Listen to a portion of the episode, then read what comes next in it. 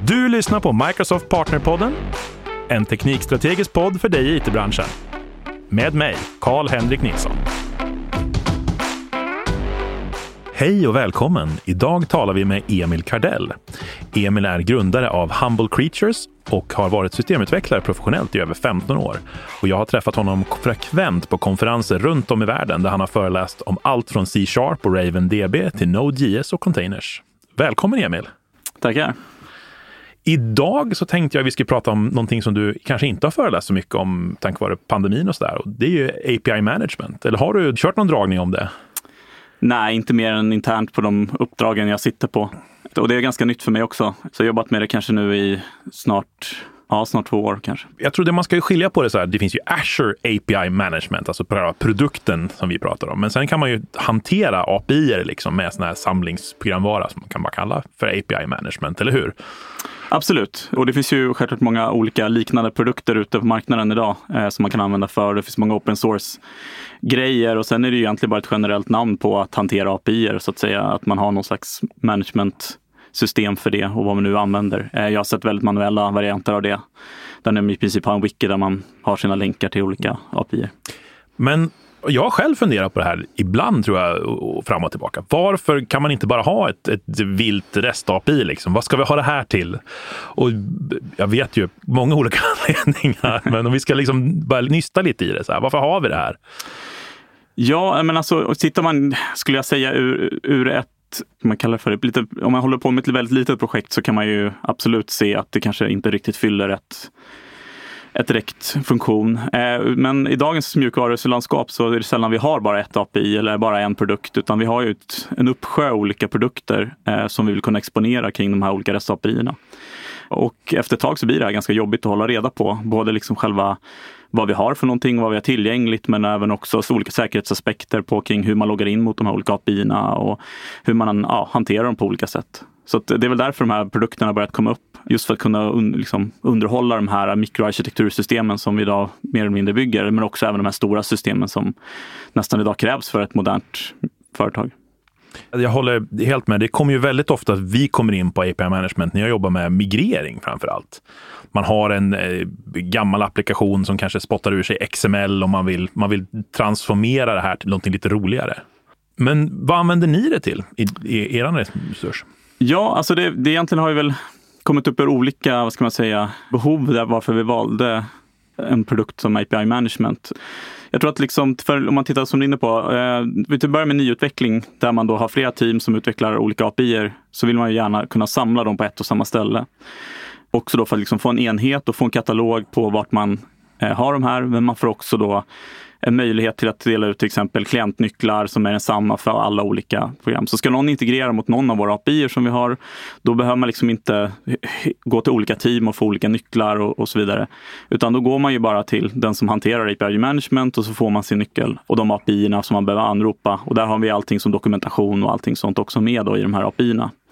Så det är ju en av de stora anledningarna till att vi började göra det med nyutveckling. Men sen har vi också då som sagt också bra för integrationer som vi sen har börjat använda då mot äldre system då där man för in dem i, egentligen kan man kalla för den, den moderna arkitekturen när det gäller användarhantering och säkerhet där vi kan få in dem till exempel i AD och allting sånt. Men då gömma undan de kanske gamla då säkerhetsdetaljerna eller credentialsarna som man behöver för det gamla systemet. Precis, man slänger upp ett gammalt system och skyddar det med olika typer av nätverksteknik, tänker jag, V-nät och så vidare. Och...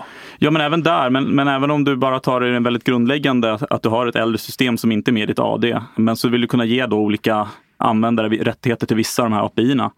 Då kan du då lägga upp dem i API Manager och sen då säga till dem att de här är skyddade med de här AD-credentials till exempel. Och då hamnar ju de under samma användarhantering som du har för resten av företaget, vilket också är väldigt trevligt. Ja, just det. Det är riktigt bra poäng faktiskt. Men det är intressant att du pratar om säkerhet där, för det här är ju för mig så här, grundpremissen kring API Management. Vi kan lägga på helt nya säkerhetslager med, med, precis med Azure Active Directory och hela den här grejen. Vi kan skydda det på olika sätt och kommunicera så att vi får HTTPS endpoints och sådana här saker.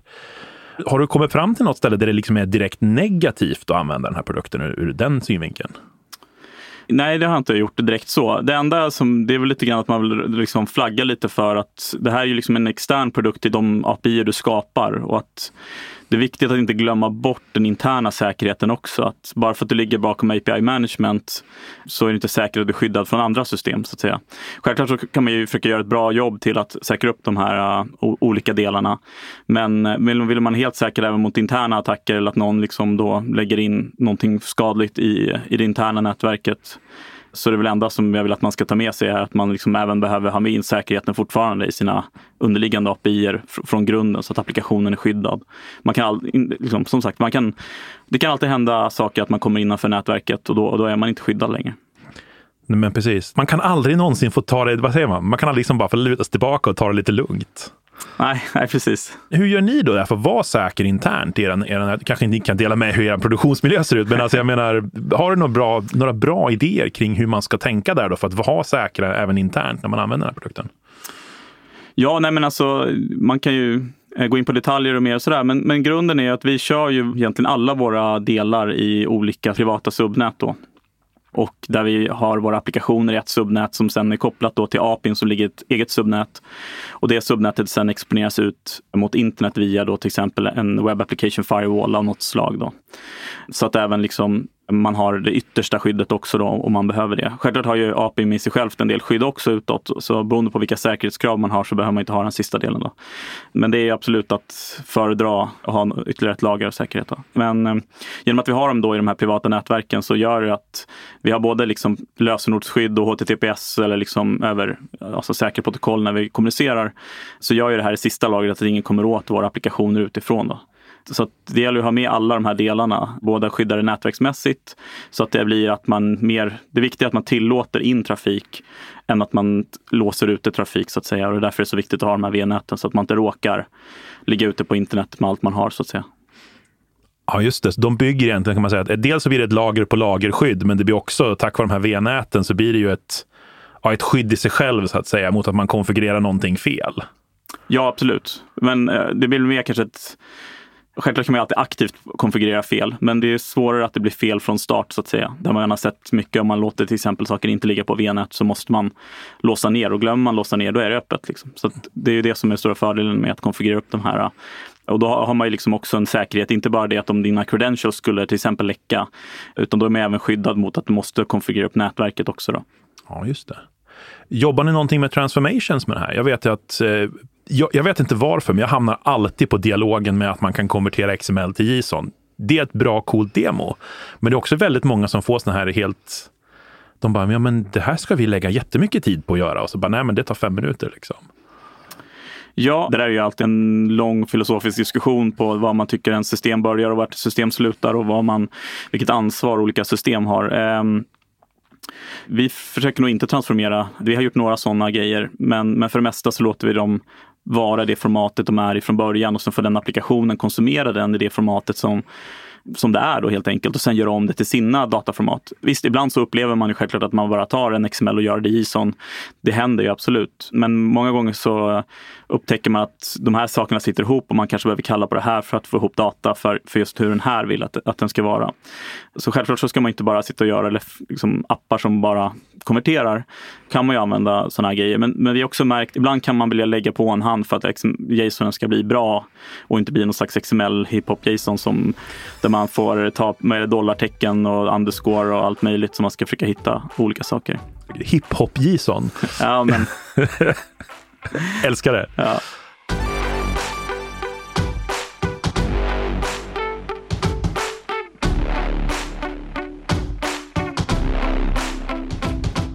Du har ju pratat ganska mycket om hur man bygger bra API och såna här grejer. Och en grej som jag stöter på API management mycket kring, det är när, företag ska gå över till såna här API business model som vi kallar det för. Alltså man ska börja sälja access till sina API och du har ju byggt mycket sådana produkter.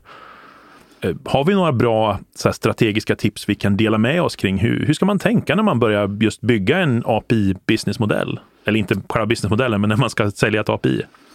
Ja, men det där är ju en, eh, ja, det är en jättebra fråga och ganska svårt om man tittar på det ur ett, eh, alltså ska man säga. Du beror på helt på vad du gör för någonting. Eh, och är din affärsmodell sån att det är det du kommer tjäna pengar på och det är så det funkar, då kommer du nog behöva bygga in det i kärnan av din applikation. Men däremot så vill man liksom få sina första indikationer och kunna testa det här så har ju API Management väldigt många bra funktioner för att kunna se då hur ja, hur olika de här klienterna som man delar ut då, hur mycket trafik de drar och, hur, och eh, så man kan sätta olika throttling grejer på det och även olika kostnadsmodeller. Men jag tror det stora hela till att börja med är ju att man använder de inbyggda analysverktygen för att se hur mycket ens olika API används och, hur, och vad man sen då kan ta för slutsatser kring det. Då. Ja, äh, för jag, jag tänker på det där ganska mycket. Det hamnar ju ofta i de här dialogerna. Liksom. Man har ett, ett litet eller ett mellanstort bolag som kanske har sålt en produkt, man har haft en tjock klient. Nu vill människor börja bygga in integrationer, för det är ju liksom det vi gör nu för tiden. Vi bygger Teams-appar, vi bygger alla möjliga grejer. Och man ska börja liksom släppa ut det här lite grann i det vilda. Och det är ju liksom ja, men allt ifrån rate limiting, så man inte blir dedosad, liksom, till, till alla möjliga typer av frågor.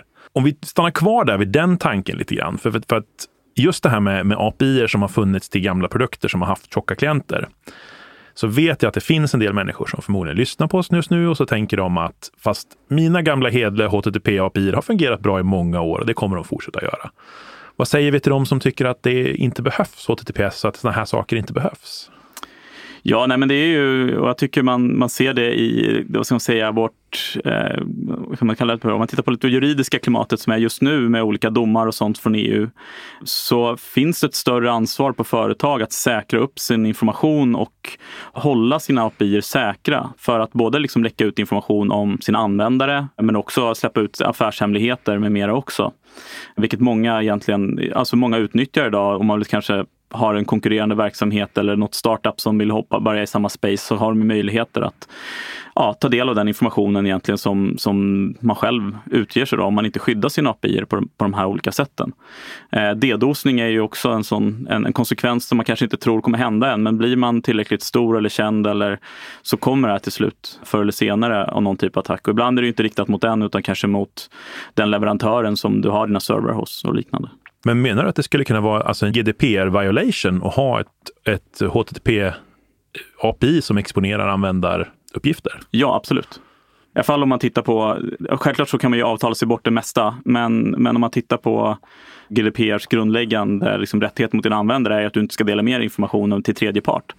Och via det här sättet så gör ju det. Du har ju öppna API där du faktiskt kan, någon bara kan lyssna rakt upp och ner på vad du skickar ut för data. Så absolut så kan jag ju se som en, en kraftig överträdelse av GDPR, information. Det här är nog ganska många som inte har tänkt på. Jag, jag tror också att vi som bransch kanske ibland skulle behöva göra ännu mer tydliga exempel på hur lätt det är att avlyssna ett okrypterat API. Ja, absolut. Jag kommer ihåg första nätverkskursen jag gick när jag gick på högskolan och man satte in en Wireshark och lyssnade på den datan som gick. Det är ytterst enkelt att få precis all information man vill ha om man inte krypterar informationen. Jag menar, och det är nästan idag så att det, det är på en väldigt grundläggande nivå. Sen har vi en massa andra säkerhetsåtgärder som vi gärna vill ha med för att känna oss riktigt trygga. Men det säkerställer i alla fall att kommunikationen mellan din kund och, och dig inte blir avlyssnad i alla fall. För som om vi går tillbaka till det vi pratade om tidigare, just det att man kan faktiskt flytta en, även en legacy-applikation. Du har inte kvar källkoden, den måste köras på en VM. Liksom. Du kan flytta den till en ett stängd VNät-grupp, som du säger, på ett subnät som ingen kommer åt. Vi kan exponera den via ett HTTPS-skyddat API management. Liksom. Och egentligen oberoende av vilken produkt.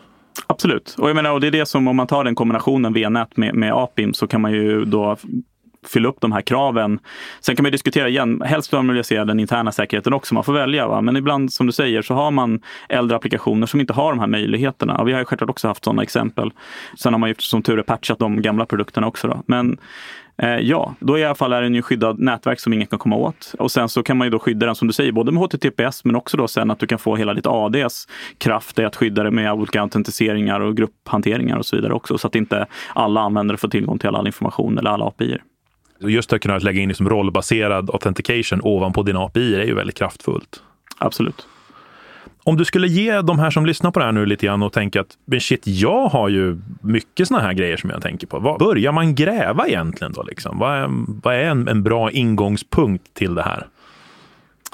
Ja, så vi har ju utgått egentligen från Azures egna dokumentation kring de här produkterna. Sen är det självklart bra att prata med, när det gäller nätverk och sånt, är det ju bra att kanske ta hjälp av en nätverksexpert eller någon som kan de här just molnnätverken och hur man sätter upp de grejerna för att det ska bli rätt från början. För där, sagt, sätter man upp det fel så börjar man ju läcka data och det, det vill man inte heller göra. Men det är nog där vi har utgått ifrån egentligen. På, alltså provade sätta upp de här produkterna och sen började då se vad vi kunde göra mer om eh, med hjälp av egentligen den dokumentationen som Azure tillhandahöll. Jag tror att det är en väldigt, väldigt viktig del du nämner där, just att ta hjälp av någon som verkligen, verkligen kan nätverk så att man får en hög nätverkssäkerhet. För det blir ju liksom ja, men så här, nästa steg till det här för att, för att ha ett bra, bra säkert skydd.